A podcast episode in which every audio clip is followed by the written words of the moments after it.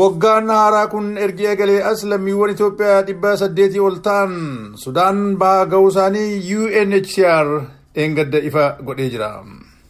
Kana jechuun waraanni Tigraay keessaa ergi eegalee as lammiiwwan biyyattii kuma shantamii ja'a ol sadaasa darbirraa eegalee biyyaa baqatanii jechuudha jetti UNHCR madda godhachuudhaan Jeneevaarraa kan gabaaste Liizaa Shlaayin.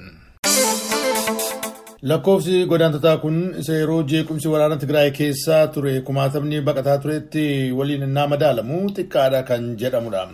Haa ta'u malee jedha UNHCR lakkoofsi namoota baqataa jiranii haphachaa haa dhufu malee sibiilonni hokkarri dararaa fi balaan isaan mudachuu ammallee hin mul'ata yookiin immoo hin dhaabbanne.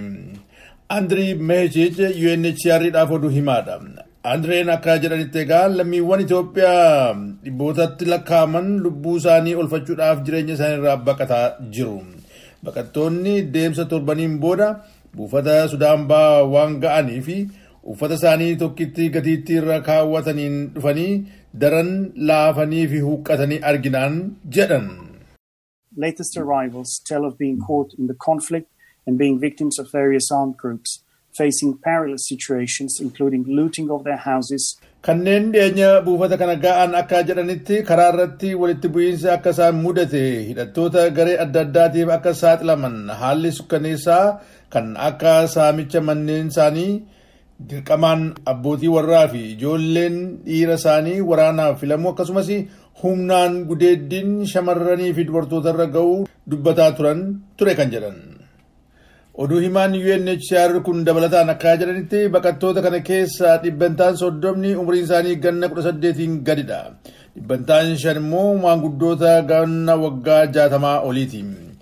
Buufataaleen kolugaltoota lama daangaa Itoophiyaa fi Sudaan irratti argaman garmalee guutuu isaaniitiin kolugaltootuma mataa isaaniitiif balaaf akka hin saaxilamneef jecha waajjirri isaanii Sudaan akkasumas michiiwwan UNHCR waliin ta'uudhaan ariitiidhaan kolugaltoota kana qarqara gara Sudaan keessatti qubachiisuudhaaf jirra jedhaniiru.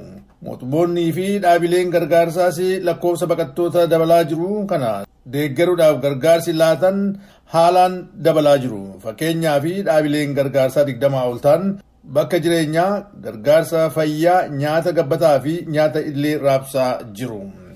Akkasis ta'ee kanneen gargaarsa barbaadan dabalaa waan jiruu fi bajetni dabalataa dhimma deeggarsa namummaa kanaaf ni barbaachisaa jedhan Meechech. In particular, it is critical to further improve water and sanitation conditions in the refugee camps and reception areas.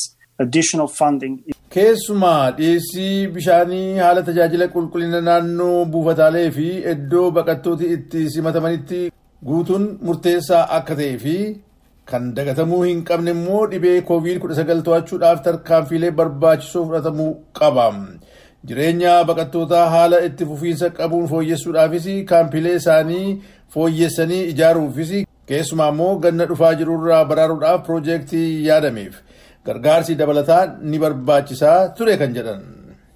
Lammiiwwan Itoophiyaa qe'ee isaanii Tigraay baqatanii haga ji'oota ja'an dhufaniif gargaaruudhaaf akka dandeessisutti UNHCR fi michuuwwansaa ji'a darbe iyyata dhiyeeffatanii gargaarsa doolaarii miiliyoonii dhibba tokkoof miiliyoonii shantamii ja'a gaafatanii ture.